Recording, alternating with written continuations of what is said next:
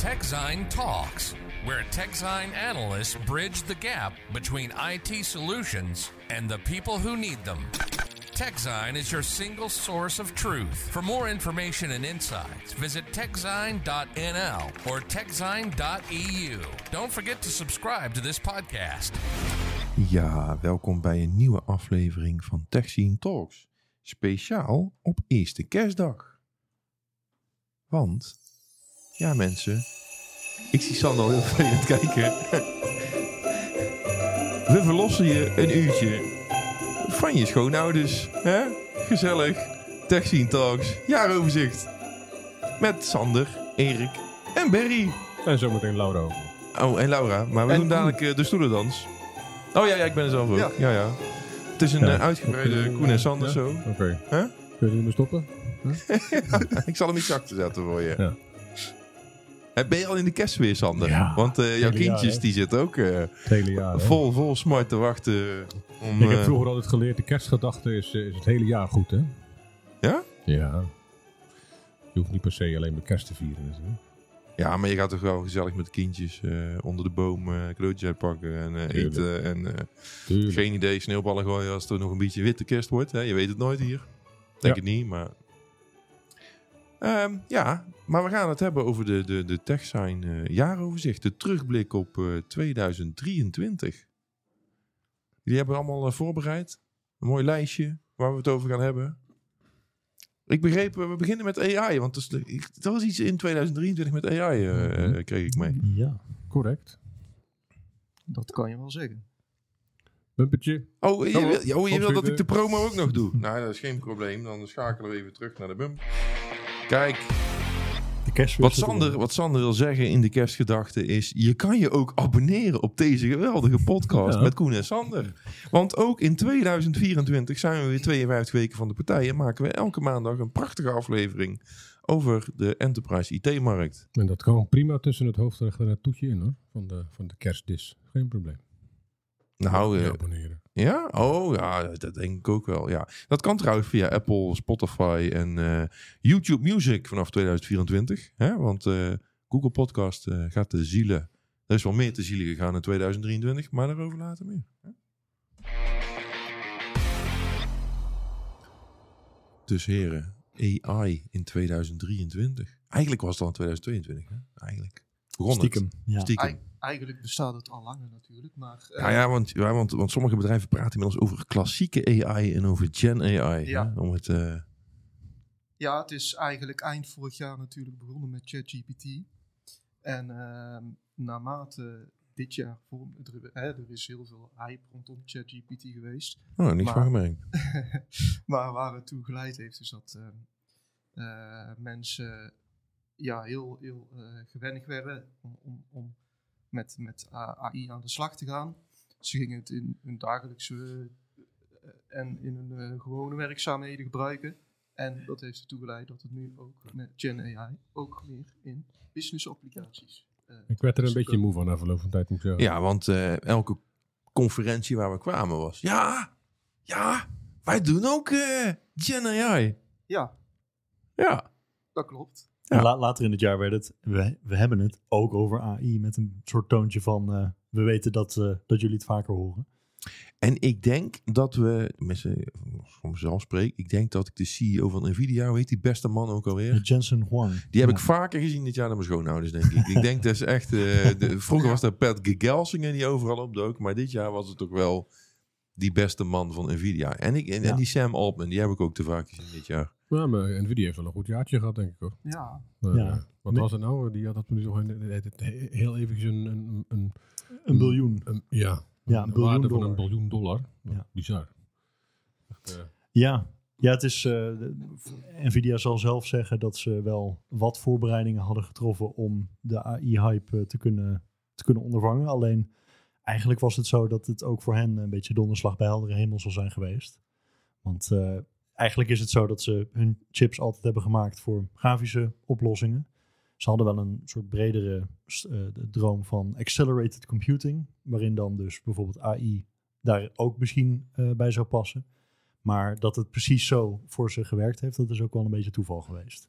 Ja, we hadden op een gegeven moment intern het grapje dat ze een formuliertje op hun site hebben waarin iedereen Nvidia-partner kan worden. Want dan denk je wel, elk techbedrijf ter wereld wil Nvidia-partner worden, want wellicht krijg je dan net iets eerder die nieuwe chips. Ja, want bij Dell heb je 39 weken wachttijd. Dus eh, als, als je daar iets bestelt met, eh, met een Nvidia-chip erin. Dus eh, Ja, en als je er vragen over stelt, dan zijn ze er nooit heel duidelijk in wanneer het opgelost gaat worden. Ik was recent nog bij een evenement waarin iemand ook een vraag stelde aan de vertegenwoordiger van Nvidia. Van ja, dat klinkt allemaal wel heel leuk, maar kun je het ook allemaal leveren? Dus, oh, dat is een very good question, zeggen ze dan. En dan komt er een of ander antwoord wat daar nergens heen gaat. Want ze weten het zelf ook niet, volgens mij. Ze kunnen ook de vinger wijzen naar TSMC eh, in dit geval. Ja, je, je, krijgt wel heel veel aankondigingen, dus je krijgt ook heel veel opgebouwde verwachting. Ik heb ook al de eerste, de eerste systemen met, eh, met die GH200 heb ik ook al voorbij zien komen als, als aankondiging. Maar wanneer die er dat daadwerkelijk gaan zijn, dat weet ik ook niet precies. Ja, Dus het maar is een beetje, eh, het is allemaal wel heel erg, ehm, ja, wanneer, wa- wanneer kom- komt het dan ook eens echt gewoon naar iemand anders behalve de hyperscalers? Ja, Ja. Dan, moet die, dan moet een partij als Nvidia kan daar in principe gewoon duidelijkheid in verschaffen. Want die weten dat echt wel. Want jij, jij wees net naar TSMC, maar dat is natuurlijk niet helemaal eerlijk. Want die ontwerpen niks, die produceren alleen. Ja. En die zeggen gewoon, wij hebben een x hoeveelheid capaciteit en die is gewoon te koop elk jaar. En, en een partij als Apple die gewoon weet, wij brengen elk jaar een iPhone uit. En daarvoor hebben we minimaal zoveel chips nodig. En, en ze proberen dan ook nog een beetje flexibiliteit in te bouwen, dat ze dat nog een beetje kunnen ophogen. Die hebben waarschijnlijk voor de komende vijf jaar of de komende tien jaar, hebben die gewoon bij TSMC al gewoon een bepaalde capaciteit gereserveerd. Hè, waar- waarop ze die nieuwe chips gaan draaien. En, en ja, dat geldt ook voor, voor AMD. Die laat daar volgens mij ook zijn chips produceren. ja. En, en zo zijn er natuurlijk nog veel meer partijen. Ehm, dus ja, TSMC heeft een aantal fabrieken en die heeft een bepaalde capaciteit. En ja, als dan Nvidia in één keer zegt, ja, ja we hebben toch eh, een paar miljoen extra chips nodig.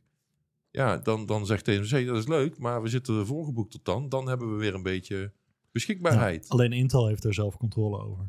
Als, als concurrent, zeg maar, van, van Nvidia. Ja, en die hebben geroepen dat ze hun, hun fabrieken gaan openstellen. Alleen daar Ja. lijkt, ja, die hebben alleen maar oude machines die ze tot nu toe openstellen. Want er is nou de eerste fabriek in Ierland was of zo geopend met... Ja, ze zijn nu met, met vijf, vijf nodes in four years bezig. Dus met een keiharde inhaalslag om eh, wel weer snel te zijn met, eh, met, met, met, snelle, met eh, kleinere nanometerprocessen. Tegenwoordig worden dat engstreum. Ja, oké, maar, maar die, die, die EUV-machines, hè, waar Ja. TSMC en waar Samsung gebruik van maakt, die, die heeft Intel pas net. Want Ja, zij, hebben, ja. zij geloofden daar nooit in. En pas sinds dit- dit jaar krijgen ze die machines. Dus die, die, die kunnen wel extern gaan produceren, maar nog niet, op, ja, nog niet Ja. voor die chips. Maar ik denk, wel- ik, denk, ook wel dat het lastiger forecast is ook voor de AI. Dus op zich is het niet zo raar dat er nu in één keer... Want ja, wie had, het, wie had dit überhaupt aanzien komen een jaar geleden? Iets meer dan een jaar geleden. Terwijl ja, aan de andere kant vind ik dat toch wel raar. Want al die bedrijven, die wisten allemaal al lang dat dit eraan zat te komen. Want ze hebben natuurlijk eh, eh, GPT 3,5 of 3.5 was de eerste die, eh, die uitkwam. Daarvoor zijn ze er ook al jaren mee bezig geweest. En ik heb al heel veel partijen gesproken.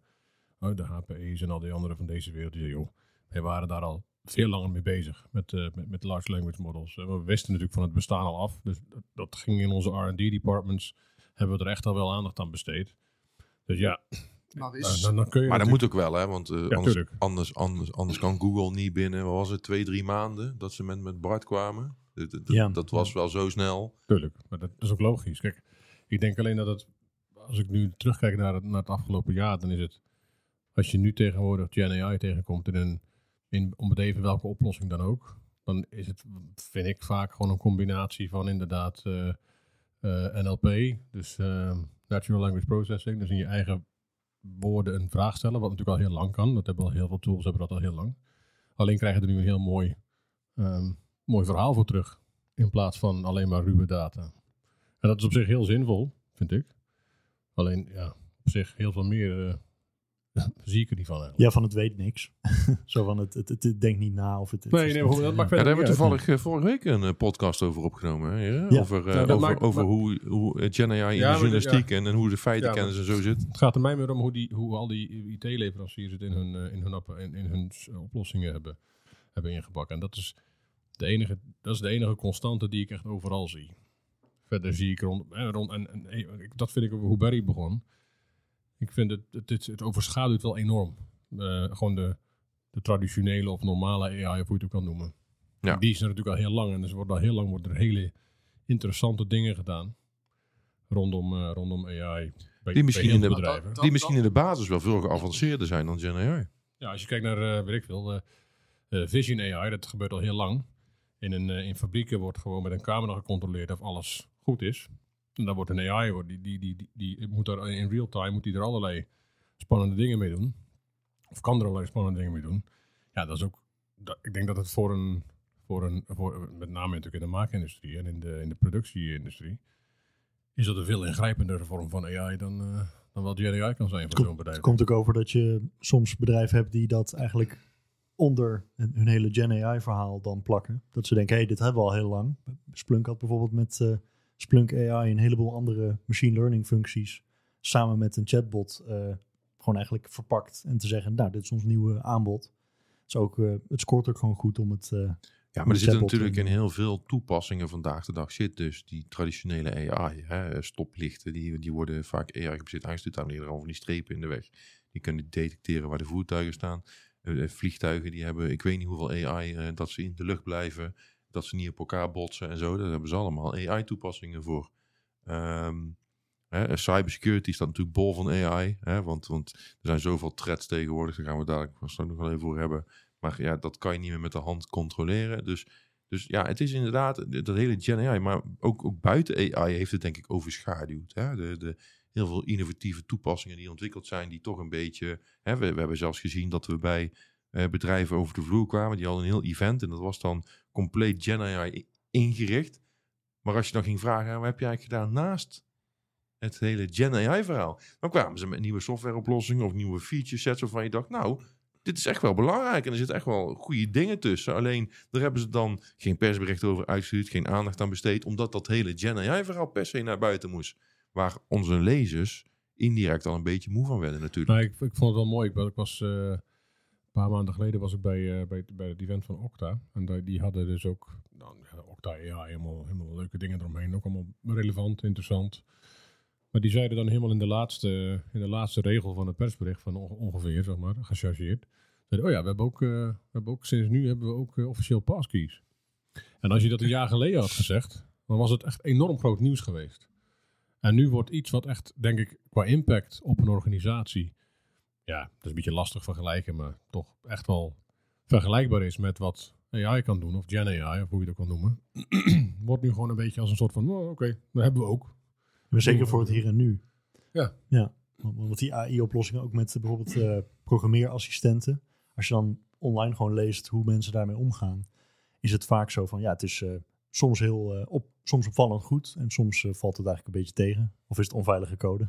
dat, eh, Ja, maar die, die, die ervaring hebben wij toch ook? Ja, we, we hebben hem ook getest. We hebben ook teksten Ja. laten maken en vragen gesteld om te kijken wat eruit komt. Nou, soms komt er wel iets zinnigs uit, maar soms slaat het ook helemaal compleet nergens op.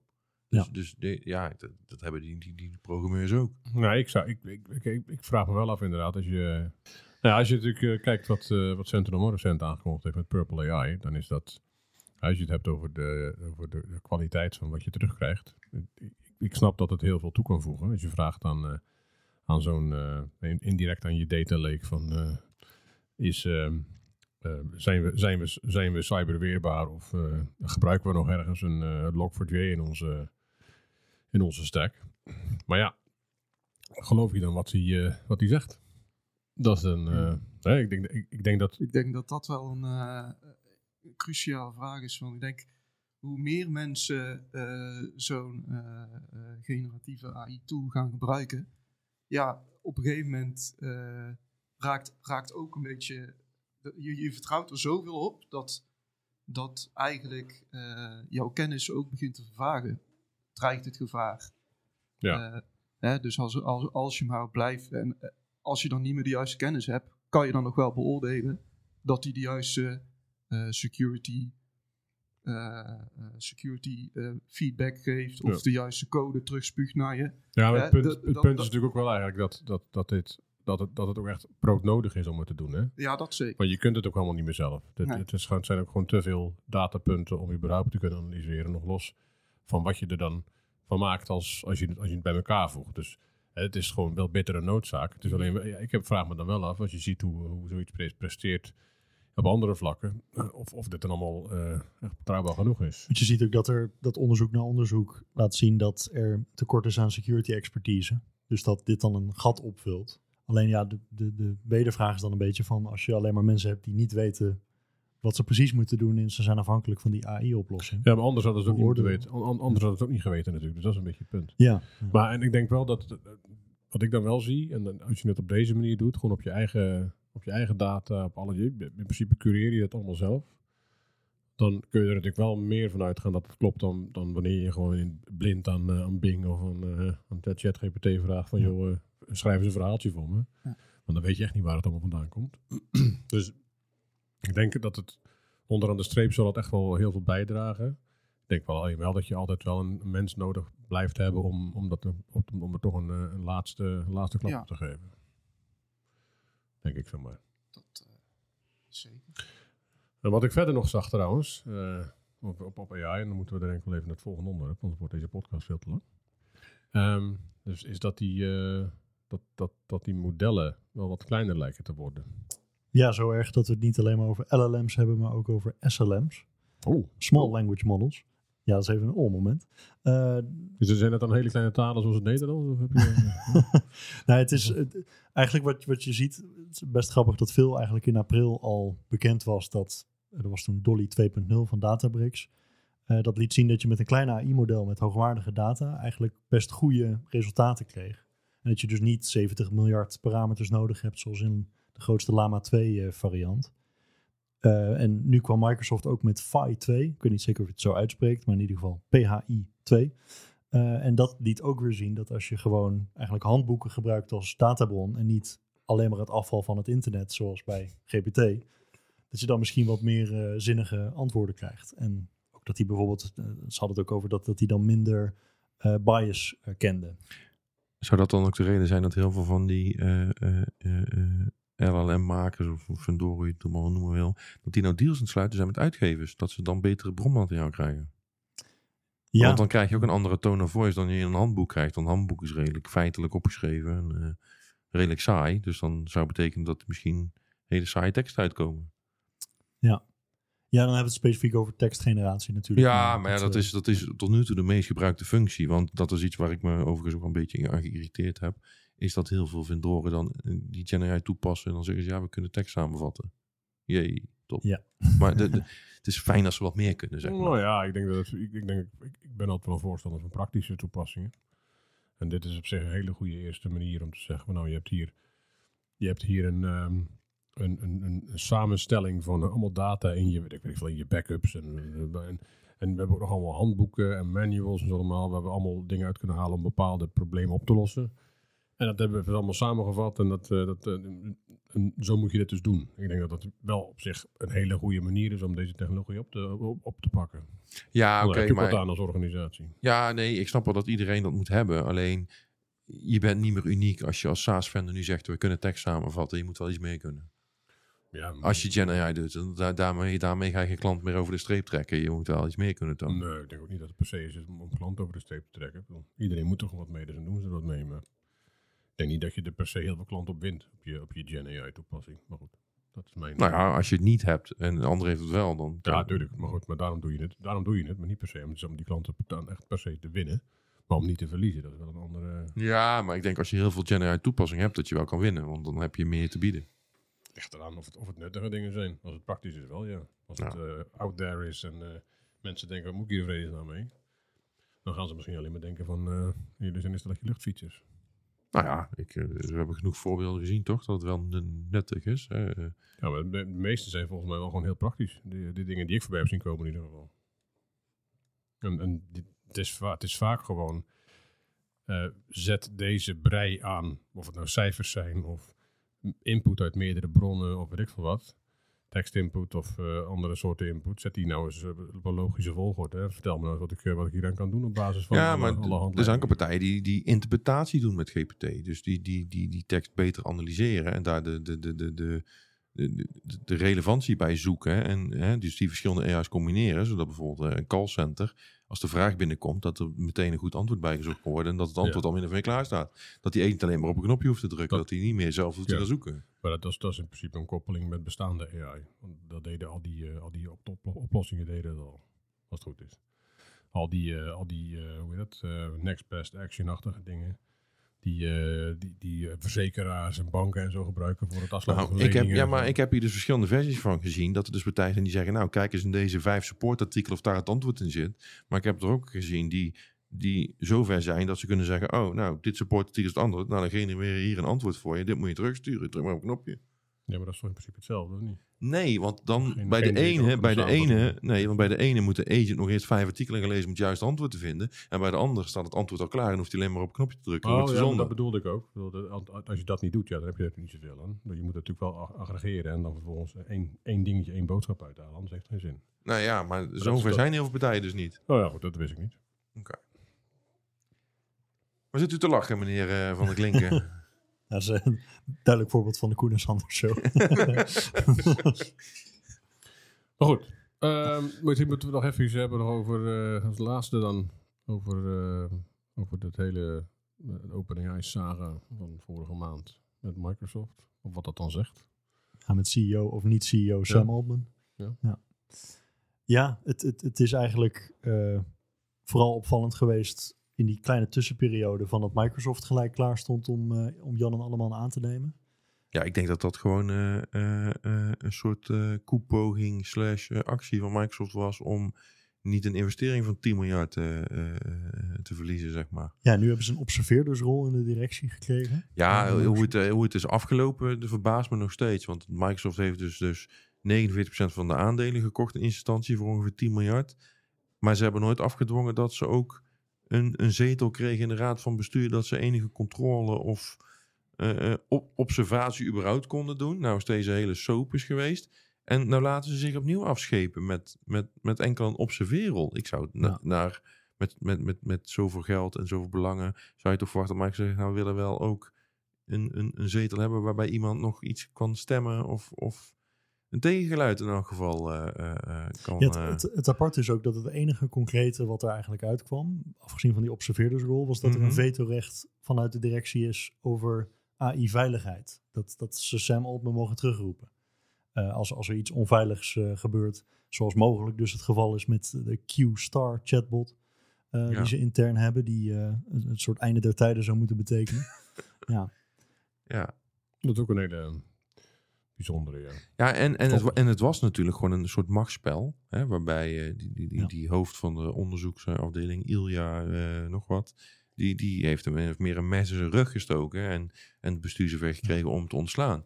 Wat ik dan verbazingwekkend vind is, nou is Sam terug en die andere Kofans terug. Maar die, die, die Ilja, die zitten nog steeds. Ja. Die hebben ze niet naar buiten gewerkt. Die zouden Ja. verwachten als iemand een mes in je rug steekt, dat je hem dan ook maar buiten zet. Maar ja dat is een beetje de Caesar-methode. Dat, eh, mensen blijven dan aan boord. Ja. Nee, niet. Kom- Kom een studie in terug. Nee. Nou, die kennen we wel hoor, Ja. Caesar. Ja, nee, ja, maar, maar wat en, hij en, deed. en, en Brutus en zo. Ja, Ja. Ja, dat, eh, la, la, la- laten we die afslag niet nemen. Ja, dat wordt een hele lange podcast, ben ik bang. podcast voor nodig. Ehm, maar, eh, nou ja, eh, de rust is enigszins teruggekeerd. Hè, maar je, je hoort wel in één keer... eh, hè, er kwamen heel veel dingen naar buiten die op de achtergrond gebeurden. Er zou zelfs een poging zijn geweest Ja. om, te, om te fuseren met, ehm, met die andere club. Anthropic. oh ja, ja. Ehm, nou ja, dat, dat is gelukkig allemaal niet Nou, gebeurd. ik denk wel dat het ook een beetje aangeeft dat, er, eh, dat het nog steeds lastig is om dit allemaal eh, qua, qua verdienmodel en eh, een, beetje, Ja. een, beetje, een beetje rendabel te krijgen ook. Hè. Je, dan, dan ga je maar van dit soort rare dingen doen. ja, sowieso is het verhaal van OpenAI een, een aardig vreemd iets. Omdat ze natuurlijk begonnen als een non-profit en gewoon op een gegeven moment het AI-bedrijf zijn geworden. Eh, met ook eh, bijvoorbeeld, de, de, hadden ze die deal met Microsoft. En daardoor is Microsoft eigenlijk ook Google voorbij gevlogen qua AI opeens. Want eh, ze hebben al- alles inmiddels geïntegreerd in co met Copilot, met eh, allerlei eh, van dat soort zaken. Ja, alleen de beschikbaarheid laat dan weer te wensen over. ja. ja. Dat, Want het is, zeker voor bedrijven, zakelijk gezien, heel veel bedrijven hebben Microsoft 365. Alleen daar is het alleen voor de enterprise licenties is het beschikbaar. voor 30 dollar per maand per gebruiker aan mijn hoofd. Ehm, Maar voor de, de kleinere bedrijven is er allemaal niks beschikbaar. Dat, dat, dat is toch wel, hè, zeker in Nederland, MKB-land, eh zit er heel veel op, op zo'n businesspakket. En, en, en daar is het niet beschikbaar. Het is toch een beetje jammer. Ja, En bij Google eh, zitten we ook nog te wachten, geloof ik. Hè? Dus eh, ja, het, eh, klopt. Ja. Ze hebben wel mooie platforms met, waarin je dan honderden LLM's eh, kan kiezen. En, eh, Ja, ze hebben voor ontwikkelaars hebben ze inderdaad dat Vertex. Dat, dat, ja, dus als ontwikkelaar kunnen ze er wel mee aan de slag. Maar je kan het niet in je, in je office al, zeg maar. En dat is toch waar de eenvoudige, directe winst ligt, denk ik. Voor organisaties. Mm, Ja, op zekere hoogte wel, ja. Ja, ik, Ja. Het geeft ook wel weer een beetje aan dat het nog helemaal niet zo heel ver is dan heel veel mensen denken. En heel veel mensen om doen willen geloven natuurlijk. Maar Google zal wel eh Maar- rap moeten komen. Want hè, eh, hoe, eh, als ze te lang wachten, dan raken ze echt ver achter. Hoezo? Maar, met hun reactie op, op ze, ik bedoel, ze hebben met Bart hebben ze wel een reactie, maar Maar ze hebben nou ook dat Gemini, toch? Nou, ik moet wel zeggen, ik was deze week bij een, eh, bij een, een kerstevenementje. En daar liet iemand zien wat de antwoorden waren op wat security gerelateerde vragen die hij had aan GPT. Weliswaar was dat nog 3.5 turbo of zo. Mhm. En eh, vergeleken met Bart. En dan was Bart wel veel beter in zijn antwoorden in ieder geval. Als, met, met, als je een vraag stelt van waar moet ik volgend, volgend jaar op, eh, op insteken. wat- wat- waar moeten mijn prioriteiten liggen volgend jaar op het gebied van cybersecurity. Dan gaf Bart wel een stuk zinniger antwoorden dan, eh, dan, dan, dan GPT. eh, moet ik Ja, ze, ze, ze hebben ook bij GPT, want Bing, Bing Chat was bijvoorbeeld op GPT gebaseerd. Alleen die was dermate verkeerd ingesteld dat hij allemaal gebruikers ging uitschelden toen hij net uitkwam. Dat is wel gezellig. Ja, dat moet, moet je ook maar van houden. En je hebt ook bijvoorbeeld dat, dat, eh, dat cybercriminelen met WormGPT hadden dan hun eigen variant van een chatbot die al die, eh, nou ja, niet ging schelden, maar wel bijvoorbeeld phishing e-mails zonder problemen ging maken. Alleen ja, typisch is dan dat ChatGPT met een paar extra vragen, Ja, maar die als je, levert dat ook op. ik wou zeggen, als je, als je wil kun je het altijd doen. Kijk, Ja. je kunt altijd, je kunt altijd vragen. Toevallig zag ik het ook nog een tijdje terug bij iemand. Als je vraagt aan, aan iemand te schrijven eh, aan, aan een van die, van, die, eh, van, die, van die dingen. Als je aan vraagt van schrijven een, een e-mail waarin je mensen overtuigt om op een link te klikken. Dan Ja. krijg je gewoon een mooi wervend tekstje. Met Ja. een, eh, met, eh, en dan gaan mensen, en dan zeg je niet eens. maar Want die, die, eh, die checks die zitten er gewoon niet op natuurlijk. Dus eigenlijk zou die moeten vragen. eh, dan, dan, dan vraagt hij, dat kan, zou hij natuurlijk wel kunnen vragen. Dan kan hij zo, wil, wil- wilt u dit gebruiken voor, eh, voor een phishing e-mail? Dan zeg je natuurlijk, ja, ja. nee, dan. Nee, maar goed, maar dus dat, dat zijn natuurlijk altijd wel. Je, je, ook al, al die, al die eh, of tenminste de meeste van die guardrails die ze erop hebben zitten, die, eh, die grenzen die ze eraan stellen, die zijn relatief eenvoudig te omzeilen volgens mij. Ja. Ja, dan, dan de wat zinnigere eh, mogelijkheden zijn die- als die guardrails meer zich richten op een bepaald onderwerp. Dat, dat ze niet ontsporen als je bijvoorbeeld een heel specifieke dataset hebt. Dat ze zich houden aan het onderwerp en niet... eh, ja, dat, dat- er zijn manieren voor om die hallucinaties te verkleinen.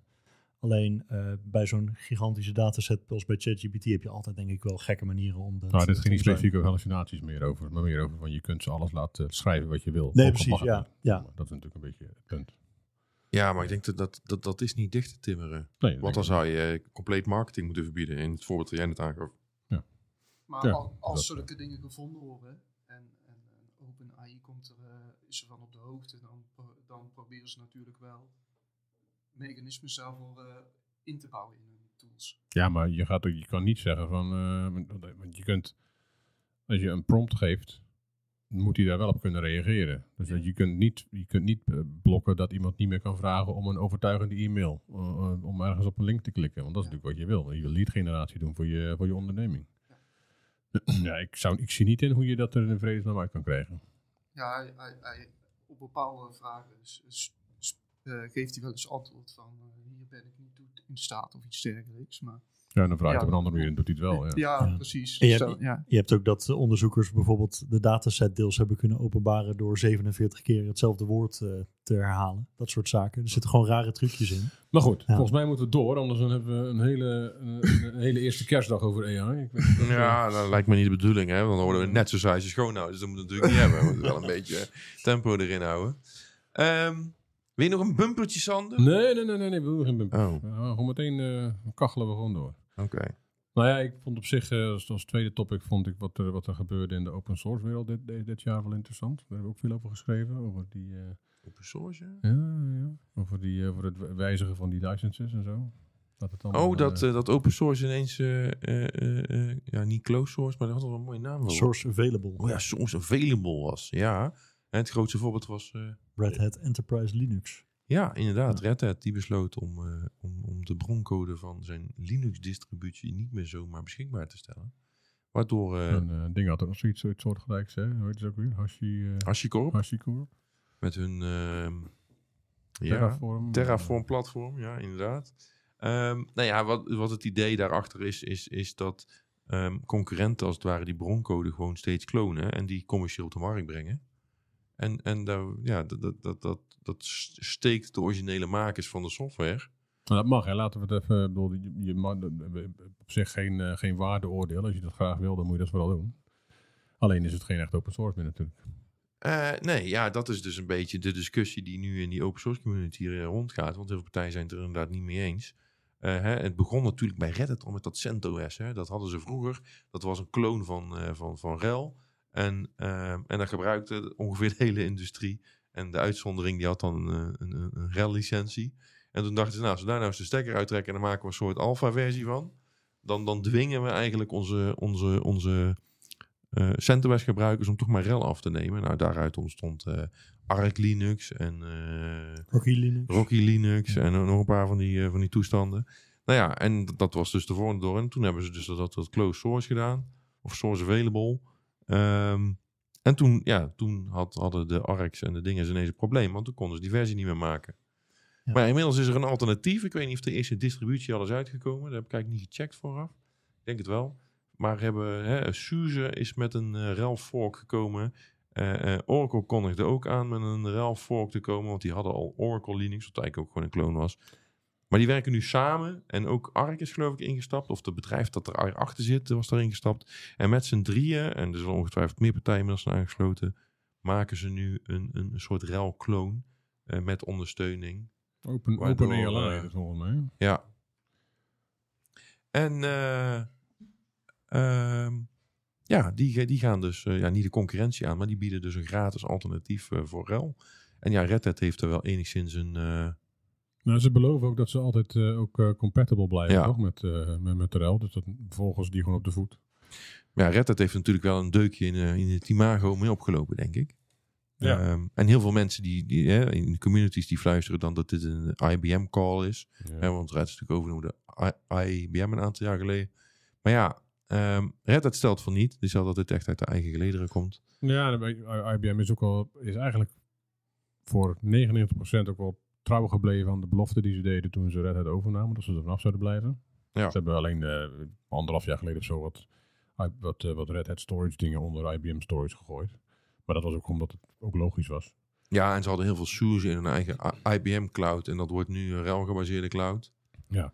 En, eh, maar dat is logisch, want ja, als je iets op de plank hebt liggen, dan zou, dan zou ik het ook maar gewoon gebruiken. Ja. Ehm, ja, en vanuit Red Hat gezien, ja, weet je, aan de ene kant is het wel begrijpbaar dat je heel veel investering doet en heel veel ehm, eh, eh, eh, moeite steekt om zo'n distributie te maken en dat dan andere partijen commercieel ermee gaan lopen. Dat is gewoon, heel, ja, dat is gewoon heel vervelend. Ehm, maar ja, dat is wel waar open source voor staat. Ja. Ja. En, en nogmaals, als je het niet wil, dan moet je het lekker op een andere manier doen. Ja, alleen dan, dan moet je jezelf geen open source meer noemen. Ja. Dan, haal je dat er wel een beetje uit. Maar ja, Ja. dat is op zich ook een, eh, zakelijke afweging, denk ik. Ja. Dat helpt misschien ook wel bij het. ehm, eh, misschien is het ook wel een vooruitloper, maar daar komen we straks nog op terug. Op, ehm, op, op, op die, eh, die Cyber Resilience Act. Dat je ook moet zorgen dat je code veilig is. Ehm, misschien dat, dat, ook wel, dat het ook wel meegespeeld heeft.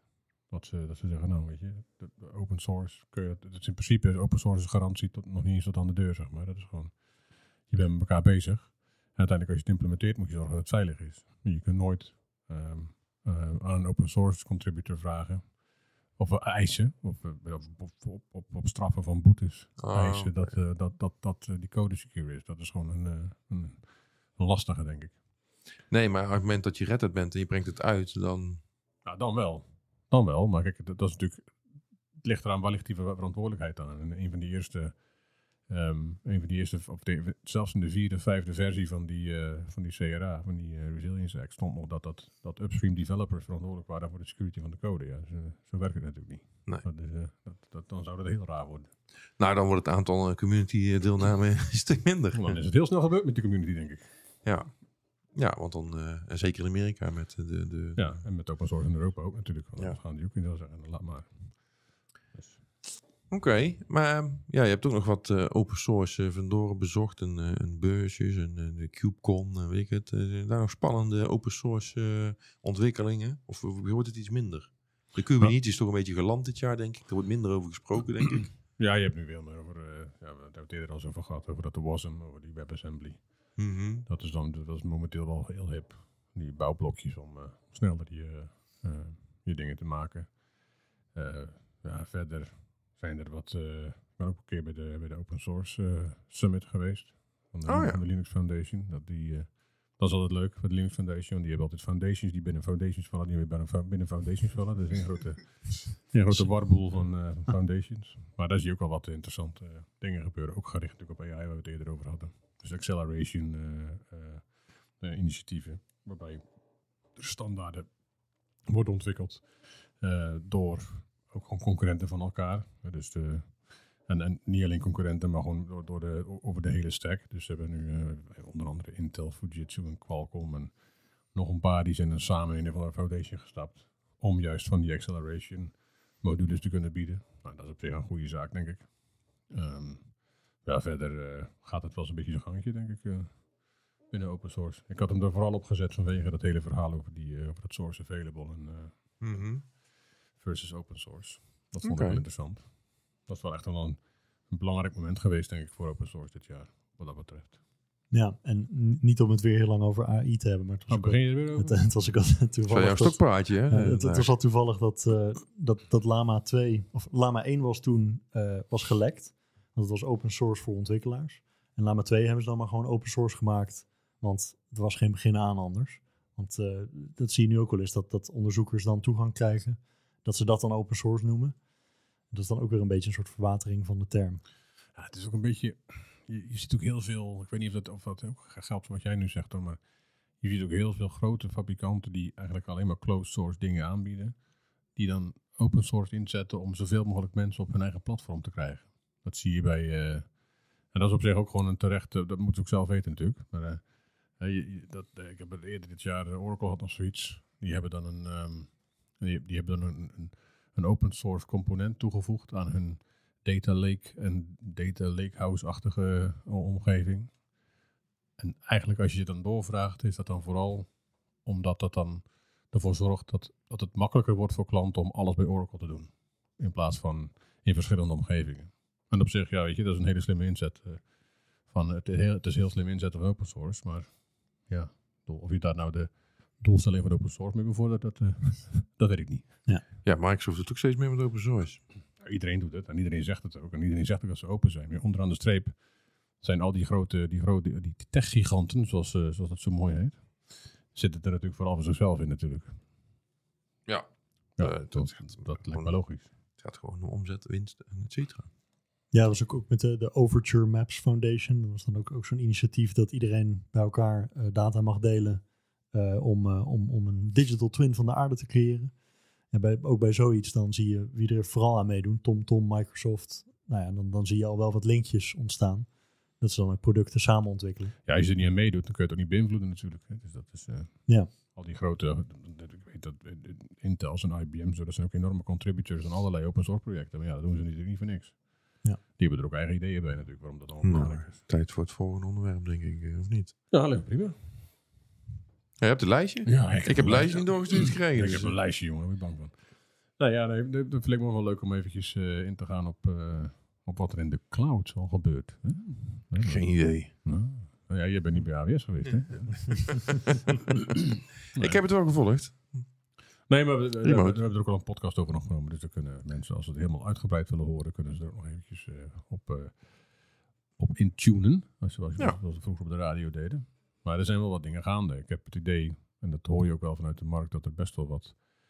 ehm, dat, dat on-prem toch wel weer wat populairder aan het worden is. Zeker. Eh, dat zie ik, eh, zie ik eigenlijk overal wel gebeuren. We hebben nog een uitgebreide State of Hybrid Multicloud geschreven dit jaar. Van Ja. de zomer volgens mij gepubliceerd. Ehm, ja, nee, eh, de, de, de, de, de cloud-only, zeg maar, is gewoon te duur voor veel grote organisaties. Hè, voor een kleine MKB'er kan het best wel eh, efficiënt zijn om om cloud-only te gaan. Eh, maar op het moment dat je toch wel wat meer wor- workloads krijgt, dan, dan wordt het hybride model veel interessanter. Hè? Gedeeld in de cloud. En de duurdere oplossingen gewoon on-prem. En, eh, en daar een combinatie van. En dat werkt gewoon een stuk beter. Ja. Ehm, En ik denk ook wel dat je de, de effecten daarvan zie je nu ook wel, denk ik, als je, die, als je de grote hyperscalers met elkaar vergelijkt. Je ziet wel dat de partijen die niet alleen infrastructure as a service en gedeeltelijk platform as a service aanbieden, dat die het, eh, dat, dat, dat die, die lijken het toch beter te doen in de markt dan, eh, dan, dan, dan een partij die, eh, die vooral op, op IaaS eh, groot geworden is. Ja, AWS zit, zit, zit in. Ja, ze zijn nog steeds marktleider hè, wereldwijd. Laten we dat wel voorop stellen. Het is steeds de grootste cloud. Alleen je merkt gewoon dat ze met hun enorme focus op IaaS en PaaS, dat ze het daar echt heel goed in doen. Alleen, ja, ze hebben niet echt een, een, een breed portfolio en business applicaties. Ze hebben er wel wat. Maar maar hè, een supply chain oplossing en een contact center oplossing. En, en, en Chime vinden zij ook een business applicatie. eh, mee te videobellen. Ehm, maar ja, eh, Microsoft en Google bijvoorbeeld, die zetten daar tegenover dat ze dus een complete Office suite of een Google Work Workspace eh, hebben natuurlijk. Ehm, ja, dat, dat bindt al heel veel bedrijven. Nou, Oracle heeft natuurlijk van oudsher heel veel ehm, industriële applicaties, of het nou is voor, eh, voor hotels of ERP of noem het dan maar op. Die hebben daar ook een breed aanbod in. Ehm, dus, dus je merkt gewoon dat, dat daar wel iets meer tractie zit. Uh, nou, Oracle blijft wel achter, moet ik zeggen, op al die grote. Maar je merkt wel dat Microsoft is in veel landen, zeker in Europa, al een stuk groter dan AWS. Ehm, Google eh, eh, groeit eh, met, met, met sprongen. Ehm, en Ja, ja, daar zal dat Vertex eigenlijk wel heel goed bij helpen, denk ik. Ja, ik denk eh, hè, om, om, op Erik's favoriete onderwerp terug te grijpen, AI. eh, wat ik nu toe gezien heb, en ik heb ook heel uitgebreid gekeken naar het aanbod van AWS, is Google eh, loopt echt een paar stappen voor qua AI op, op, op, op een AWS. Voor machine learning was AWS wel heel goed met, met dat SageMaker. Dat is echt een hele mooie, hebben ze nog steeds een hele mooie oplossing. Alleen voor dat hele AI, Gen AI verhaal is dat Vertex AI, ja, dat is gewoon ja, eh, is een stukje verder. En het aanbod, eh, die hebben al, eh, even uit mijn hoofd, ik geloof eh, 130 LLM's in die, eh, in die library zitten. En een AWS die stond op eh, 22 uit mijn hoofd. Eh, Nou, en ik heb ook al echt wel meerdere andere IT-leveranciers ook al gezien dat ze dingen op Vertex AI gebouwd hebben. Ja, en ik, hoor ik van heel veel SaaS-bedrijven die we spreken, dat ze dus partneren met Google en Vertex AI om, eh, om, daarmee te gaan bouwen. Er zijn wel wat uitzonderingen natuurlijk, bij AWS hadden ze ook wel een aantal klanten. Ik geloof Delta Airlines, die gaat het wel op AWS doen. Ehm, ja, dat, dat, heb je, dat heb je natuurlijk altijd. Ehm, en de komende jaren zal duidelijk moeten worden of AWS die inhaalslag kan maken of niet. Kijk, AWS heeft al wel zijn eigen chips, hè? dus dat, dat kunnen ze misschien wat sneller mee schakelen dan, dan een Google die daarvoor op dit moment nog steeds afhankelijk is van bijvoorbeeld Nvidia, hè, waar we het eerder over gehad hebben, over het tekort aan die chips. Ehm, dus, dus dat zal ook uit moeten wijzen of dat nog invloed gaat hebben op het... eh, Ik, heb ook ik hoor ook wel steeds meer geluiden vanuit, van, met name vanuit de analistenhoek dat, eh, dat, eh, dat het hele ARM-verhaal toch nog niet, dat, dat, dat, dat, ze daar toch niet heel veel toekomst in zien. De, de redenen zijn me nog steeds niet helemaal duidelijk, dus ik moet nog eens een keer induiken. Maar ARM, als je nu nog focust op ARM, dan ben je niet goed bezig. Was was een quote van een toch vooraanstaande analist die ik, die ik sprak dit jaar. Dus oh, nou, eh, dat is ik, een eh, bijzondere quote, want ik... ik, moet er eh, nog eens- ik moet er nog eens wat dieper op induiken hoe dat, eh, hoe dat Want, zit. want we zien daar wel een, een duidelijke stijgende lijn in het aantal eh hyperscalers die dus eh, op ARM-chips aan het focussen zijn. Eh, Microsoft heeft ze recent aangekondigd. Ja. Eh, en bij Google gaat al jaren het gerucht dat, dat, dat, dat, dat ze ermee bezig zijn. En als je de consumentenmedia mag gelopen, dan is het voor de nieuwe Pixel-telefoon. En dan de zakelijk media zeggen, nou dat wordt voor Google Cloud, want er zit veel meer marge. Ehm, de toekomst zal ui- uitwijzen waar die chips precies beschikbaar komen. Ehm, ja, en, en er is eh, geruchten hè, over Windows 12 volgend jaar. Om dat er even bij te trekken. Dat daar ook ARM-chips voor komen van verschillende, van AMD zelfs en van eh, Nvidia. Eh, ja. Ja, ook Nvidia, En, ja. eh, en Qualcomm uiteraard, want die hebben nu een soort exclusieve overeenkomst met Microsoft. En dat daar toch meer, eh meer jus in komt. Ik ben benieuwd. dat gaan we zien. Maar om even terug te gaan naar die, naar die cloud-spelers dan. Ehm, ja, Google heeft daar wel heel veel tractie. Mi- Microsoft, maar die, ze lopen echter nog wel een- zeg maar, een heel stuk achter. Hè? Je kan globaal kan je zeggen dat eh, Microsoft en AWS twee, misschien wel drie keer zo groot zijn dan Google. En, en tien keer zo groot als een Oracle. Dus die, Oracle komt niet zo snel dichterbij. Hè? Die hebben gewoon een, een bepaalde eh, eh, eh, niche in de markt met die database. En, en een leuke samenwerking met Microsoft die ze heel veel business oplevert. Ehm, maar die zie ik niet, die drie bedreigen. Maar ik zie Microsoft, als, dit, de- ja, als deze lijnen doorlopen, dan wordt Microsoft echt een hele serieuze bedreiging voor Nou, AWS. ik en Google, die komt gewoon steeds dichterbij. Ik denk dat Microsoft als, als je alles wat met de cloud te maken heeft bekijkt, is Microsoft nu al de grootste. Met afstand, denk ik. Ja, als je de Microsoft 365 er ook bij zou tellen. Als bedoel je zo erbij telt, is Microsoft met afstand de grootste. Ja, dat denk ik ook wel. Maar als je, hè, als je puur Azure doet en, en en dingen, dan, Ja. dan, dan, dan nog niet. Nee, Ehm, maar maar het zal dus heel interessant zijn wat de strategie van AWS de komende jaren blijft. Of ze blijven focussen op het IA-spaas, waar ze eh, heel goed in zijn. Hè, want ze hebben by far het breedste aanbod. Dat is ook... Dat, hè, dat, dat wordt vaak gezien als het voordeel van AWS. Ze hebben alle smaken en alle kleuren die je maar kan wensen op IA's en paasgebied. Die kan je bij AWS vinden. Eh, maar tegelijk zeggen heel veel bedrijven ook, dat is ook meteen hun nadeel. Want door die enorme brede keuze eh, verdwalen veel klanten in het aanbod. Het is een beetje als een menukaart bij de Chinees, die niet ophoudt, zeg maar. Eh, het zorgt er ook voor dat, dat mensen niet meer zo goed weten. Ja, dat is een Ja. goede vergelijking. Alleen de, de extreem getrainde AWS-professionals, die, die kunnen er nog een beetje kaas van hebben. Ja, nee, zeker. Alleen, ja, dan ben je wel even zoet. Want dat Ja. zijn certificaten, die haal je niet even Nee, nee, met twee vingers in je neus, zeg maar. En, die- die professionals die gaan de kaas van maken of chocola van maken? Chocola van dan? maken. Oh, Dat oké. zat er er kaas van eh, gegeten? ja. Oké. Maar ik weet niet, misschien hebben ze andere professionals daar die, die, die kaas van dingen kunnen maken. Dat is leuk als je aan het kaas van duur bent nu met de kerst. Maar, Hey, de CTO van Amazon is een Nederlander. Misschien heeft hij wel... eh, hè? oh, je weet- je weet Misschien zijn ze wel groot kaasfan hem. Ah, je weet het niet. Oké, nou, dat lijkt me wel voldoende over dit. eh hè? Dus, eh, nou, Ja, kwinkslag af en toe moet toch kunnen? hè? Ja, maar wat, wat het ook is voor klanten van clouddiensten. We hadden het dan over kleine spelers, grote spelers. Er was bijvoorbeeld het voorbeeld van, eh, van X, voorheen Twitter. eh, dat ze 60% hadden bespaard door niet meer AWS te gebruiken, maar door on-prem te gaan. Wat dan ook wel een heel opvallend eh, Maar iets volgens is. mij, volgens mij is heel Prime toch eh on-prem gegaan. Nee, nee, nee. Die, dat nou? nee, dat was serverless. Die, die, AWS heeft Oh een ja, breed. Ja. Portfolio aan serverless. En toen heeft een subdivisie van, van Amazon, Amazon Prime, hè, die bekende videodienst, die gebruikt heel veel serverless voor video-encoding, et cetera. En daar is op een gegeven moment iemand is kritisch naar gaan kijken en hebben gezegd, nou, daar gaan we niet meer serverless doen. We gaan daar gewoon containertjes voor bouwen die dat eh, voor ons kunnen uitvoeren.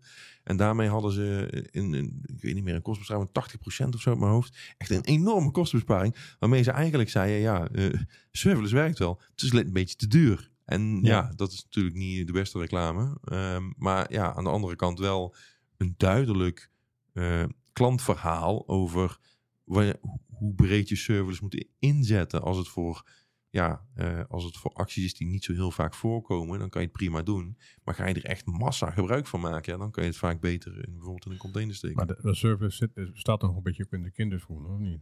In die zin van dat het... het dat bestaat heel- inmiddels al best Ja, wel wat jaren maar- natuurlijk. het, van wordt, het- het, wordt wel, het wordt al wel heel lang gezien als... Dat hoor ik ook op al die conferenties waar je dan bent. Het wordt al heel, heel lang gezien als de opvolger van, van containers. En, eh, waren- en, en die hele benadering. Ja, volgens mij Maar- was serverless er nog eerder dan Ja, containers maar to- eigenlijk. toch wordt het heel vaak nog gezien als van... We zitten nu hierop en dan we gaan dan over... Na, na verloop van tijd gaan we zelfs over naar serverless. Dan denk ik, ja, maar... Ja, je vindt heel veel duidingen van vijf jaar geleden dat Ja. serverless de toekomst eh, is. Ja. Maar eh, kennelijk eh, is dat dan toch nog weer barstiger eh, dan... eh, Ja, Nou ja, ik- misschien dat het in de toekomst goedkoper wordt. Dat kan Ja, natuurlijk dat ook. zal sowieso moeten, maar dan zal het toch eerst een brede adoptie, moeten- adoptie moeten krijgen, of in ieder geval. Dat Ja, maar dat Prime-verhaal zorgt natuurlijk voor dat heel veel grote Ja. enterprise-organisaties zeggen... nou, we doen weer serverless, want ja. op basis van dit kostenverhaal eh, eh, is dat geen verstandige keus. Nee, dus maar dat is een beetje de vraag van, van, wat komt er nou terecht van al die, eh, van al die beloftes die, die wij al jaren aan een stuk horen. Maar moeten we ook nog hebben over, over dat, dat, dat het hele on-prem hè, nu wel cloud gebaseerd is? Dat dat, dat, dat, dat in, in, een- in een as-a-service model steeds meer beschikbaar komt, zowel bij Dell als HPE Je en zo. hebt het er nu over. Dus, eh. Ja, nee, ja, ik vind dat hoort er wel een beetje bij. Want jij Ja, ja, klaar. het volgende onderwerp. Daar hebben we het vorig jaar overigens ook over gehad, hè? In, Ja, ja. eh, tegen het einde van het jaar. Nee, maar cloud gaat wel richting on-prem in die zin van de, de, de modellen die bij cloud horen, zie je gewoon steeds meer ook bij on-prem eh, beschikbaar komen. En ik denk dat dat is op zich wel een goede ontwikkeling geweest. Want het is nu wel veel makkelijker om een volledige stack ergens. Ja, en het is veel efficiënter, hè? Want eh, ehm, eh, nu kunnen ehm, bedrijven hun complete infrastructuur as a service afnemen. En als ze een nieuw project hebben, kunnen ze die gewoon diezelfde infrastructuur laten landen. En als ze tekort komen, wordt er gewoon bijgezet. En hebben ze te veel over, dan wordt het weer afgebouwd. Dat, dat is een beetje dat, dat, dat as a service model. Ehm, en vroeger zag je dat ze een bepaalde infrastructuur, eh, een aantal racks of een aantal servers werden aangeschaft voor een project. En dan mocht dan alleen dat project op draaien. Maar dan stond bij sommige projecten die bijvoorbeeld s'nachts actief waren, of, of alleen overdag, stonden die servers de halve tijd eh, te idelen, zeg maar. En nu zie je dat, dat het veel efficiënter gebruikt wordt. Nou ja, het zou best wel eens kunnen zijn dat het, het, het cloud-model uiteindelijk veel invloedrijker zal zijn dan de cloud op zich. Als je- Ja, het is veel meer als je- sustainable, als je om er nog eens een, eh, een term in te gooien. Hè? Nou ja, dat, dat, is, dus dat is een goede zaak geweest. En ik denk dat het realisme is nu ook gewoon ingetreden. Maar de bewegingen richting... De beweging misschien deels terug richting on-prem vanuit, eh, vanuit de cloud was ook niet mogelijk geweest. Zonder dat het ook inderdaad voor, volgens een cloudmodel kon. Want je wil in principe niet terug naar een van de redenen waarom je afgestapt bent van dat hele on-prem gebeuren. Want dat het gewoon een, een, een, heel vervelend was om het, eh, om het te draaien en om het, eh, om het te beheren en dat soort dingen. Ja, waar organisaties vanaf willen is dat ze een heel IT-team hebben die die ene IT-omgeving moeten opbouwen. Maar belangrijker nog, een hele IT-omgeving moeten onderhouden. Hè? Want het, dat bouwen is op zich het probleem niet. Het is vaak het onderhouden van zo'n hele complexe infrastructuuromgeving. Waar, waar bedrijven tegenaan lopen zeggen, dat willen we niet meer. En, en dat hebben die, die spelers, hè, zoals een Dell en HP, nu opgelost met hun aanbod. eh, eh, dat dat managed gebeurt. Hè? De, de patches en de updates, dat wordt allemaal managed, wordt erbij gewerkt. Ja, dat niet alleen, maar je kunt nu ook gewoon, als je nog even terug te komen op ons allereerste onderwerp, hè? AI. Ja. Ehm, zonder, ik, over, over- ik wil het er niet meer over hebben, maar ik heb het er nog een keer weer over, op een of andere manier. Maar ehm, eh, ook dat, eh, als, je dat, als je dat over je hele stack wilt, eh, wilt inzetten, moet je dat ook ergens goed kunnen beheren. En ook daar heb je denk ik wel zo'n zo'n model voor nodig. Hier, dat bedoel ik ben toevallig recent nog bij HP geweest, die hebben nu zo'n AI-native architecture of zo. En voor mij eerder dit jaar kwam eh, VMware ook met iets van een AI eh, architecture, iets in die geest. Dat soort dingen zijn wel echt gewoon nodig. Want je wil natuurlijk, je, kan, je wil niet, als je in de, drie, als je in de drie, drie of vier verschillende fases van AI zit, zeg maar, vanaf, vanaf het eh, trainen, inferencen en dan het trainen, tunen, inferencen en, en dan daadwerkelijk draaien. Ehm, dat hoef je niet per se overal op dezelfde plek te doen. Dus je kunt dat ook, als je het uit elkaar trekt, en je doet gewoon de dingen die je goedkoop op on-prem of goedkoper on-prem kan doen, je, dat, dat draai je on-prem, terwijl het een onderdeel is van dezelfde stack, is natuurlijk wel veel beter te beheren dan wanneer je alles in een dure cloud locatie moet doen. Ja. Dus, Tijd voor een onderwerp. ja, dat is ook nog een grote. Maar dan zijn we er al bijna hoor. Ja? Ja, ja. Dan kun je, dan kun je aan je, aan je Vianetta beginnen. Dus, of eh, ik weet niet wat je als toetje neemt. Maar, eh, Ja, moeten we nog even een kerstmuziekje instarten voor de, voor de als je- mensen als die... je er heel blij van wordt, dan moet je dat doen, ja. Oké. ja zijn we er al? Oh, daar is die. Hij komt van de verte. Ja, ja, ja, ja, ja, ja. Slee komt uit de verte aangereden. Maar ehm, Ja, je, je hebt ook echt je mo- moeite gedaan om deze dingen op te zetten. Dat, dat vind ik nog het treurigste van het. nou, ik zou je nog moeten zeggen, ik heb vanmorgen die clipjes moeten kopen. Want eh, hè, er moet wel allemaal verantwoord eh, copyright uh, bladibla zijn. Hè? En, bl- en blij dat hij er weer is. Nee, maar, eh, maar op eerste kerstdag, mensen moeten toch een beetje denken, we verzuipen hier in die cloud. Mijn schoonouders waren saai, het wordt nou wel een beetje. Dus we willen weer even gewoon terug naar de kerstsfeer. Nou, dan gaan we ze nu nog even bang maken, want dan gaan we het nu over security hebben. Wat dacht je daar? Oh, ik dacht eh, dat we de stoelendans gingen doen. Of is dat er dadelijk pas? Nee, dat doen we hierna pas. Oké, want eh, jou, jouw tijdlimiet hebben we, over, over, hebben we inmiddels Ja, dat overschreden. weet ik. Dat komt door jou. Oh, is dat, dat is met mijn schuld. Ja, natuurlijk is het jou zo. Oké. Net een getrouwd stel. Hey, pas op, hè? Daar doen we een uitspraak over. Wanneer is jouw functioneringsgesprek? Maar kunnen we nou door? Of, eh? Jazeker. Oké. Dat, eh, ik weet niet, maar... We gaan de mensen bang maken? Nee, maar we Oh. moeten wel even over security hebben natuurlijk. Want er is wel wat gebeurd dit jaar weer. Hè? Even kijken even onze, onze wel enige strenge eh, nieuwsredacteuren aan. Die daar veel meer over weten dan ik. Maar eh, we hebben nogal wat bre- gro- grote breaches gehad in ieder geval. Ja, En wat, eh, en, en inderdaad, eh, volgens mij eh Lockbit als, eh, als marktleider, zullen we maar Ja, zeggen. de marktleider in ransomware. Ja. Ja, 3.0 wel. Ja. Ja, de, de- Lockbit is wel echt met afstand eh, de grootste. En je hebt ook bijvoorbeeld situaties gehad dat ze havens eh, stil hebben weten te krijgen. Dat is zelfs meerdere keren gebeurd. In Japan en in Australië. Was eh, DP World de pineut. En dan, dan zie je ook bijvoorbeeld dat verouderde systemen gewoon volledig platgelegd worden. Ehm, en nou ja, je ziet wat, wat de impact daarvan kan zijn. Ook bijvoorbeeld in Nederland, dat, dat een, een zorgverlener geraakt werd, of de KNVB. Of eh, ook gewoon allerlei ehm, datalekken die daardoor gebeuren. En dan is Lockbit eigenlijk zijn wel- die allemaal, zijn, waren dat, al- was het allemaal het gevolg van Lockbit? Nee, nee, nee, nee. oh. Nee, maar, maar zeg maar, J- Joris Zorg en KNVB wel. Oké. En eh, je, je ziet dan ook bijvoorbeeld dat die groep het meest soort van geprofessionaliseerd eh, lijkt met een as-a-service model. Het komt gewoon gelijk weer terug van waar we het net over hadden. Dat ja, eigenlijk die, die, die taakverdeling van de criminelen lijkt best wel eh gewiekst te zijn nu. Ja, want je kunt dat soort pakketjes, ik weet niet of dat specifiek voor Lockbit geldt, maar je kunt dat soort pakketjes gewoon afnemen voor een tientje. Hè, voor 10 dollar of zo per dark web. Dan heb je gewoon, dan kun je gewoon zeggen, ik wil, eh weet ik veel, zoveel. eh Ga nou geen reclame zitten maken. ja. ja, ja, het is wel zo. Nou ja, van initial access brokers. Van, je, je hebt ook gewoon partijen die een hele. eh, ja, die, die al hun geld verdienen door gewoon ergens binnen te komen. En verder niks meer te doen met die, eh, met die bedrijfsdata. Misschien op slot zetten, maar verder eh, besteden ze eigenlijk eh, alle andere taken uit aan eh, andere criminelen.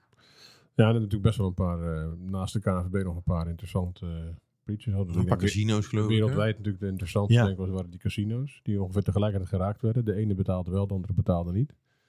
Dus die andere had ook zijn, zijn dingen wat beter op orde dan die ene. Maar Ja. dat was dan weer, dat was geen was een andere club. Dat Ja, was dat Black Cat of zo. De Ja. Caesars en eh, de MGM, voor de duidelijkheid. Ja, ja van, eh, die Black Cat groep had ook bijvoorbeeld Reddit eh, te pakken gehad met a- 80 gigabyte aan, eh, gegevens. En die club is dan een grappig contrast met Lockbit, want die zijn een stuk agressiever. Die zijn ook gewoon echt een stuk brutaler geworden. Die zijn ook meerdere keren door de FBI en, en andere politieeenheden geïnfiltreerd. Hebben daardoor een paar keer hun naam moeten veranderen. Eh, maar je ziet ook dat ze, het li- lijkt ze erg te irriteren of iets, want ze, ze, worden, ze worden alleen maar agressiever ook met hoe ze dus eh, vragen om losgeld. Eh, dat ze ook bijvoorbeeld naaktfoto's hebben gepubliceerd, dat soort zaken. Het is echt... ehm, Zij waren toch ook die club die, ehm, die uiteindelijk de, de, het melden van een lek van, Ja. van een of andere partij eh, bij de SEC of zo. Weet je, SEC? Ja, je hebt een SEC-filing, ja. ja. Dat, omdat, omdat die, omdat niet, die het niet na vier dagen gedaan hadden, zeiden ze, dan doen wij het maar voor jullie. Ja, Ja, ja, Ja. dat is ook weer een, eh, een nieuwe manier. Nou, niet- niet dat ik ze advies wil geven, maar dan helpt het niet dat ze zo ehm, informeel zijn. Want die andere partijen die dan zich meer presenteren alsof ze een soort dienst bewijzen, zoals Lockbit wel eens doet, dat komt dan wat overtuigender misschien over. Ja, die zeggen eh, gewoon van, oh, wat, wat vervelend dat u, eh, dat u gehackt bent. Ja, Eh, Een soort hacktivist. Ja. Ik ga u hierbij helpen. En dan, eh, maar ook gewoon terwijl het- een volle- terwijl het volledige criminelen zijn natuurlijk, maar goed. Dat, ja, dat zag je ook bijvoorbeeld bij eh, Genesis Market, wat, wat dit jaar was opgerold. Oh ja. Ja, Was dat ook dit jaar, ja? ja, was ook dit Oh. jaar. Ja. ja, ik heb erover geschreven, dus dan is het dit jaar. Oh. Maar ehm, Was dat waar, waar ze dan zo'n gaas veranderden op de Genesis-markt? Nou, wat het was, was dat, dat was dus zo'n. eh, die had gewoon heel veel persoonsgegevens eh, te koop staan. Dus eh, dan zie je dat die, die taakverdeling in cybercrime eigenlijk best wel breed is.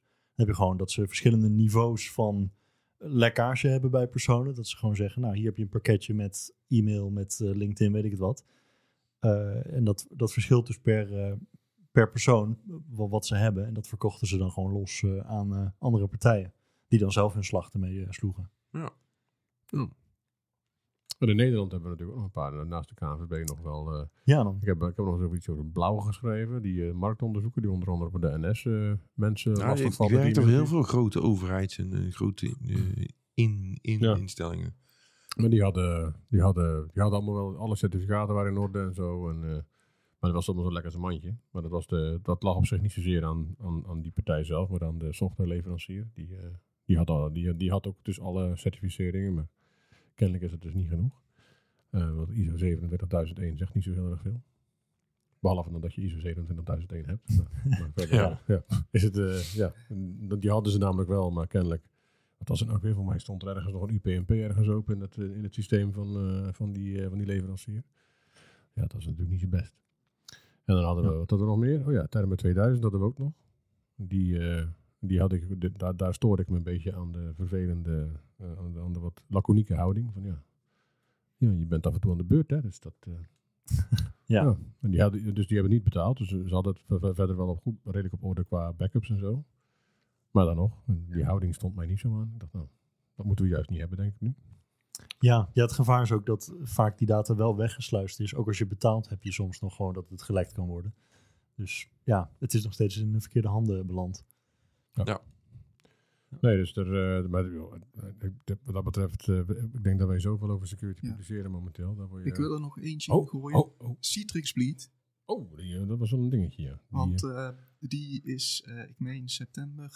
eh nou, we schrijven eigenlijk op tekst zijn al eh, heel wat jaar veel over eh, kwetsbaarheden in Citrix. Maar Citrix Bleed is geloof ik in september gaan spelen. Kwetsbaarheden in eh, eh, Citrix Gateway. Die netscaler is dat toch? of niet? Of is En dat- Netscaler, twee, eh, eh, twee Citrix oplossingen. Ehm, en ehm, ik hoorde, ik hoorde vrij recent heb ik eh, een meneer van Sovels die verantwoordelijk is voor het verzamelen van, van alle incidentdata.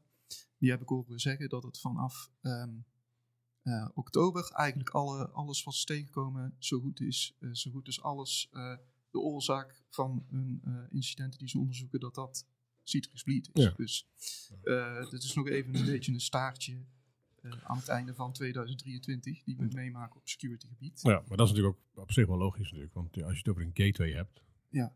waar wil je nou liever binnenkomen dan op een Ja. gateway? Dat is Ja. natuurlijk ideaal. Want Ja, zeker. Ja, ja Dan goed. eh, eh, zit je meteen op de hele, de- de hele Maar we kunnen, we kunnen toch elke week schrijven over een beveiligingslek in Citrix, of niet? Ja. Sorry hoor, maar het, eh, Maar dus de, die, die cybercriminelen die zijn natuurlijk op zoek naar de meest makkelijke manier om ergens binnen te komen.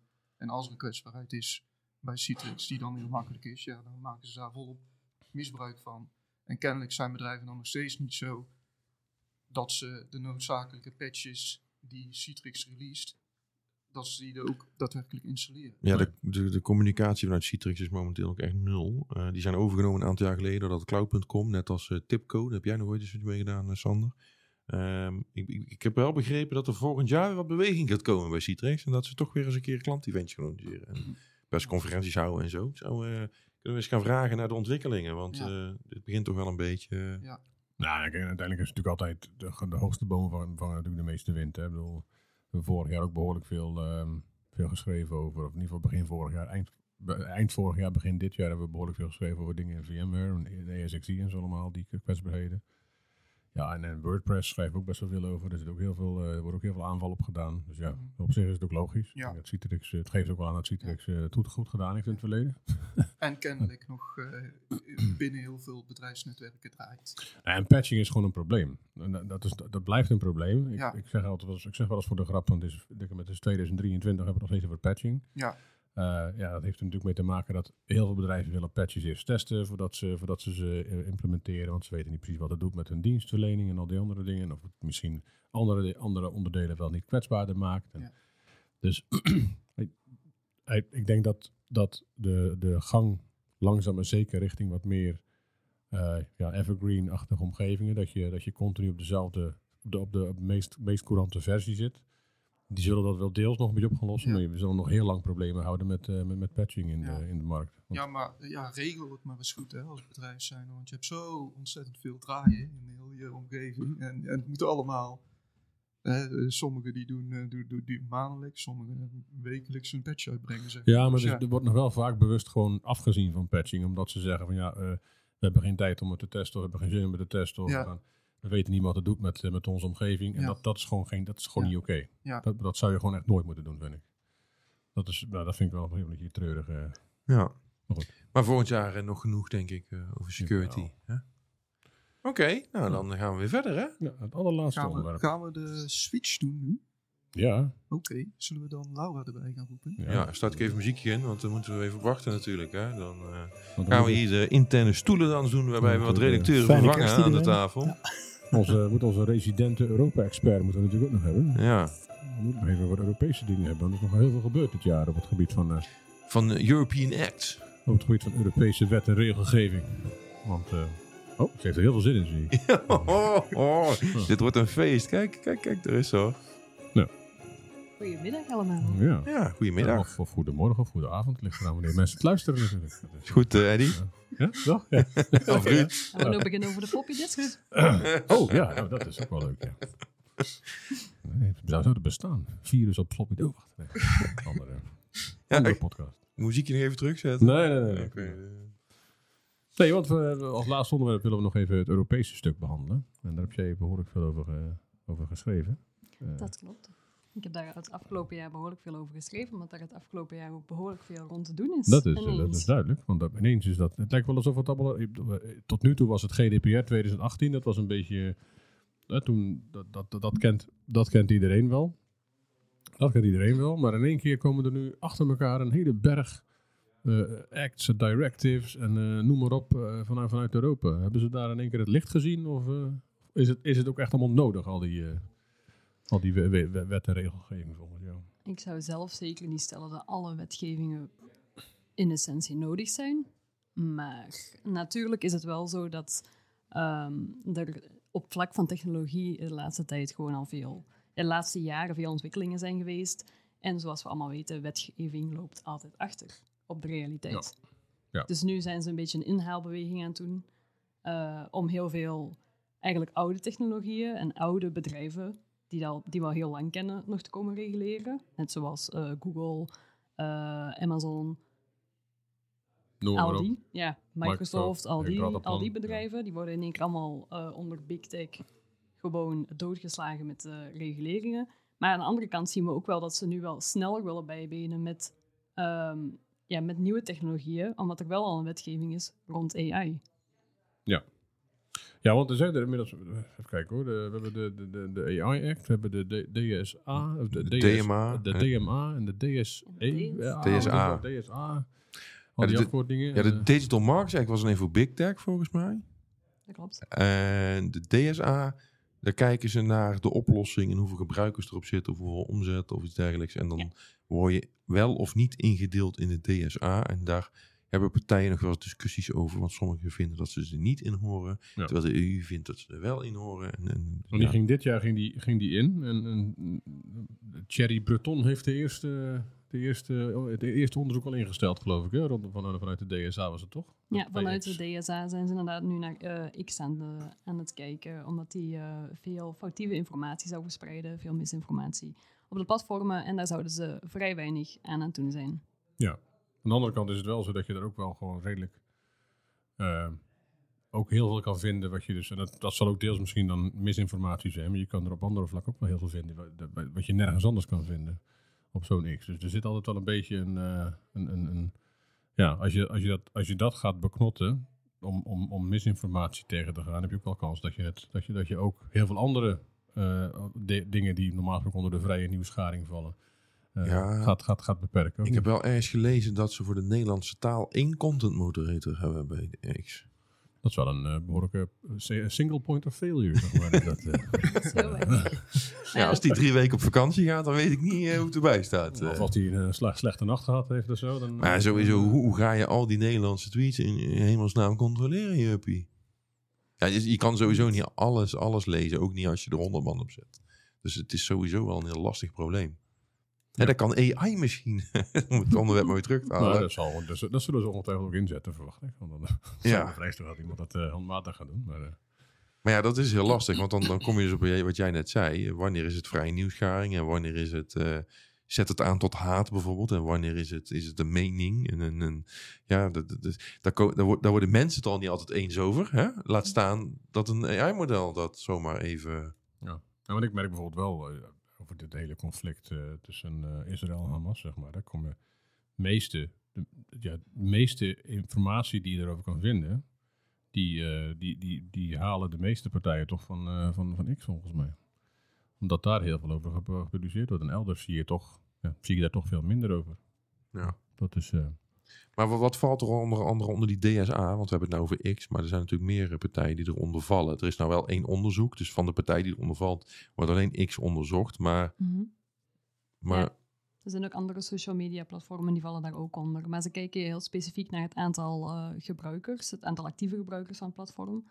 Wat natuurlijk ook zijn eigen problemen mee oplevert. Omdat je ook, ja, je hebt natuurlijk op X, daar is veel misinformatie op. Maar er zijn andere concurrenten ten opzichte van X, die zijn net begonnen eh, om al de mensen die geband zijn van X, zoals Donald Trump, om daar weer hun mening op te verdelen.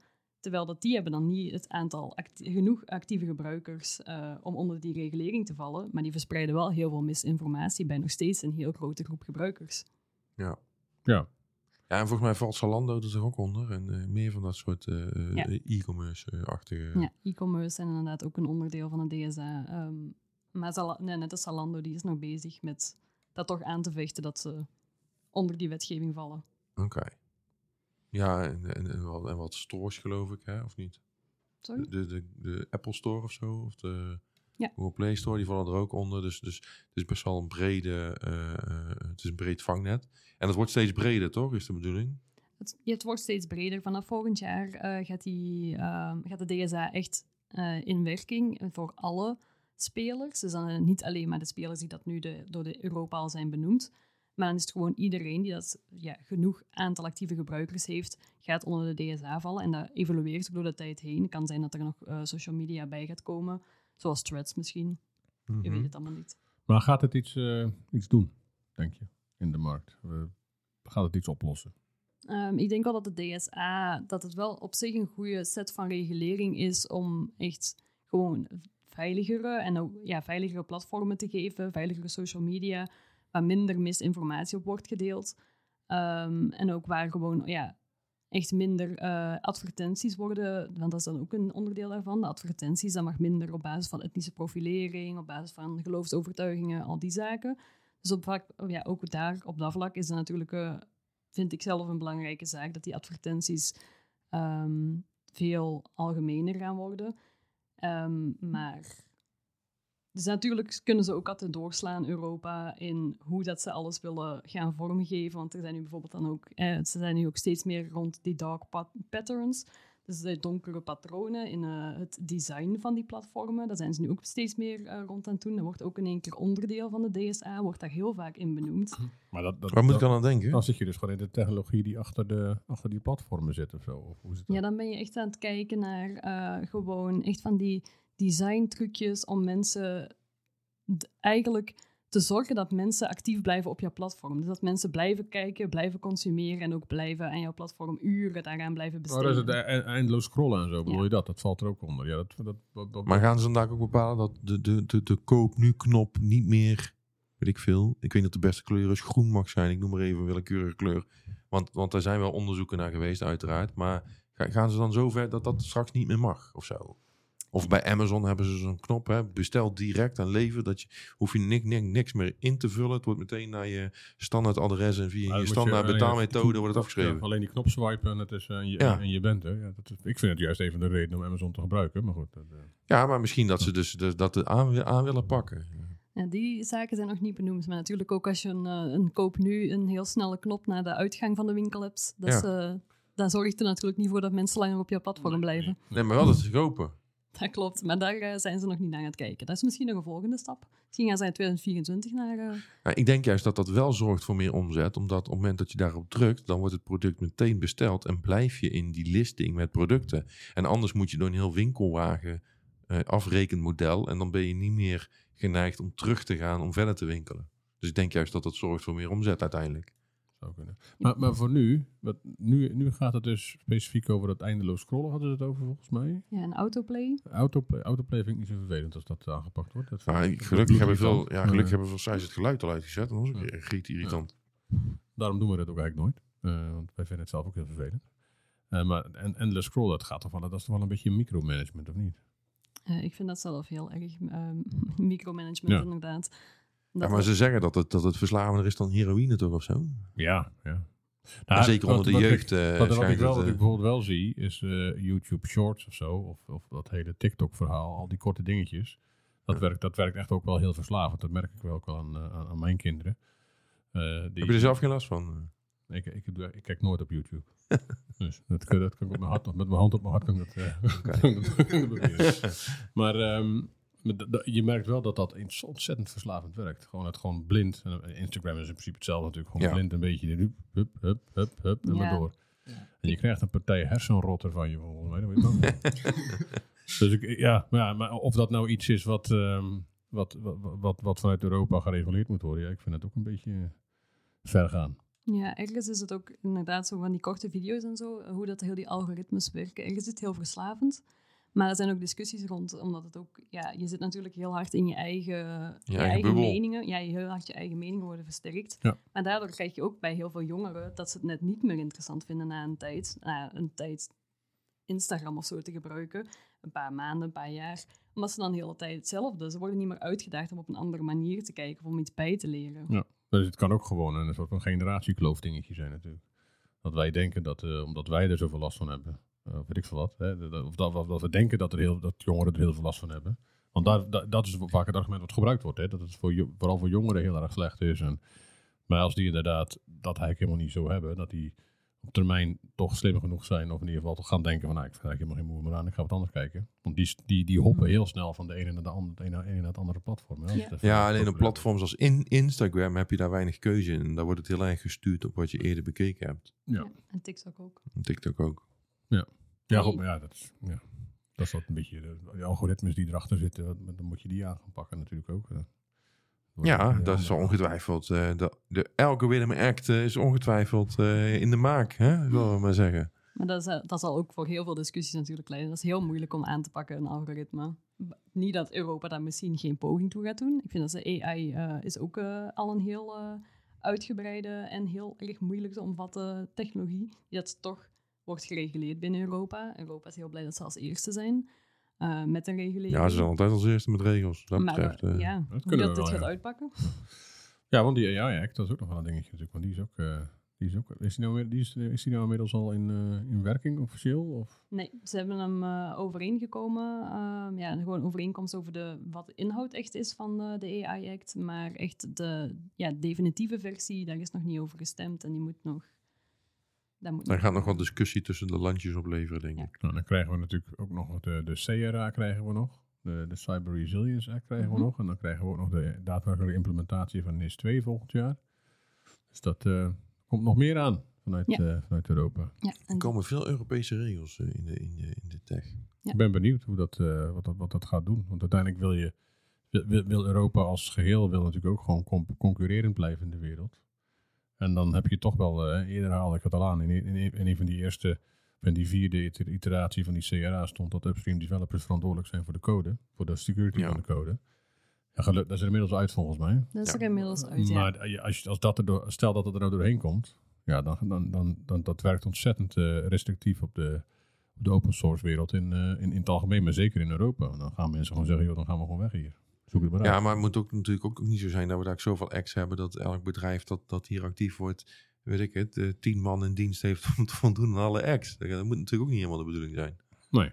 Nee, je, dus- je loopt ook het risico om eh, ja, meer eh, discussies te hebben met andere landen natuurlijk. Net als Amerika. Die zijn bijvoorbeeld, daar, is al, daar zijn al heel veel eh, mensen eigenlijk al gekant tegen de Digital Markets Act.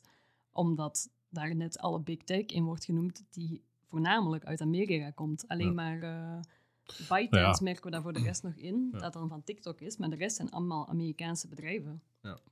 Ja, en, en, en het kan zelfs ertoe leiden, denk ik, al die regels, dat, dat je juist Big Tech sterker maakt. Want Big Tech heeft wel de mensen om, al die, om, om, om- continu te lobbyen bij, bij, bij, bij Europese instanties en, en, en, en, en, en te eh, compliant te zijn aan al die acts en het allemaal uit te zoeken. En als je als, eh, als eenvoudige Nederlandse start-up wat wil, dan heb je daar een stuk, eh, heb je daar een stuk lastiger mee, denk ik. Ja, en als je wereldwijd gaat kijken, hè, we hebben natuurlijk als eerste die GDPR gehad in 2018. Nou, je hebt in Californië gezien en op andere staten dat ze nou ook iets soortgelijks hebben. Heel veel landen wereldwijd, hè, ik geloof Zuid-Afrika en in het Midden-Oosten zijn landen geweest die een soortgelijk eh, iets hebben opgezet. Maar in, in principe in Amerika is nog steeds geen eh, federaal landelijk dekkend initiatief dat die privacy voor die Amerikanen beter waarborgt. Dat is echt per staat geregeld. Dus, dus, dus het is niet zo dat het heel snel volgt. Dus al die acts die nu in 2023 zijn uitgekomen. Nou ja, hè, als, je, als je terugkijkt naar 2018 en nu, dus vijf jaar. Dus, dus in 2028 is er nog steeds waarschijnlijk niet iets soortgelijks in de VS. Nee, maar aan de andere kant is het wel zo dat in Californië bijvoorbeeld zitten natuurlijk zoveel bedrijven dat het heel lastig is om, om volledig zonder contact, eh, om volledig niet compliant te zijn aan, aan een van die bedrijven. En als je, dan- en je moet natuurlijk als, je moet dan ook, eh, ehm, als, je, als, je, als je het voor één partij moet zijn, dan het in principe voor al die anderen ook. Dus dit, dit werkt natuurlijk wel een beetje, je- als je zaken doet met Europese partijen, dan moet je compliant zijn aan Ja. de GDPR. Als je zaken doet met, met eh, partijen in Californië, moet je waarschijnlijk compliant zijn met Mhm. die act die daar, die daar heerst. Ja, dan- eens. dus de Alleen, kans dat je er 100% buiten blijft, is natuurlijk vrij klein.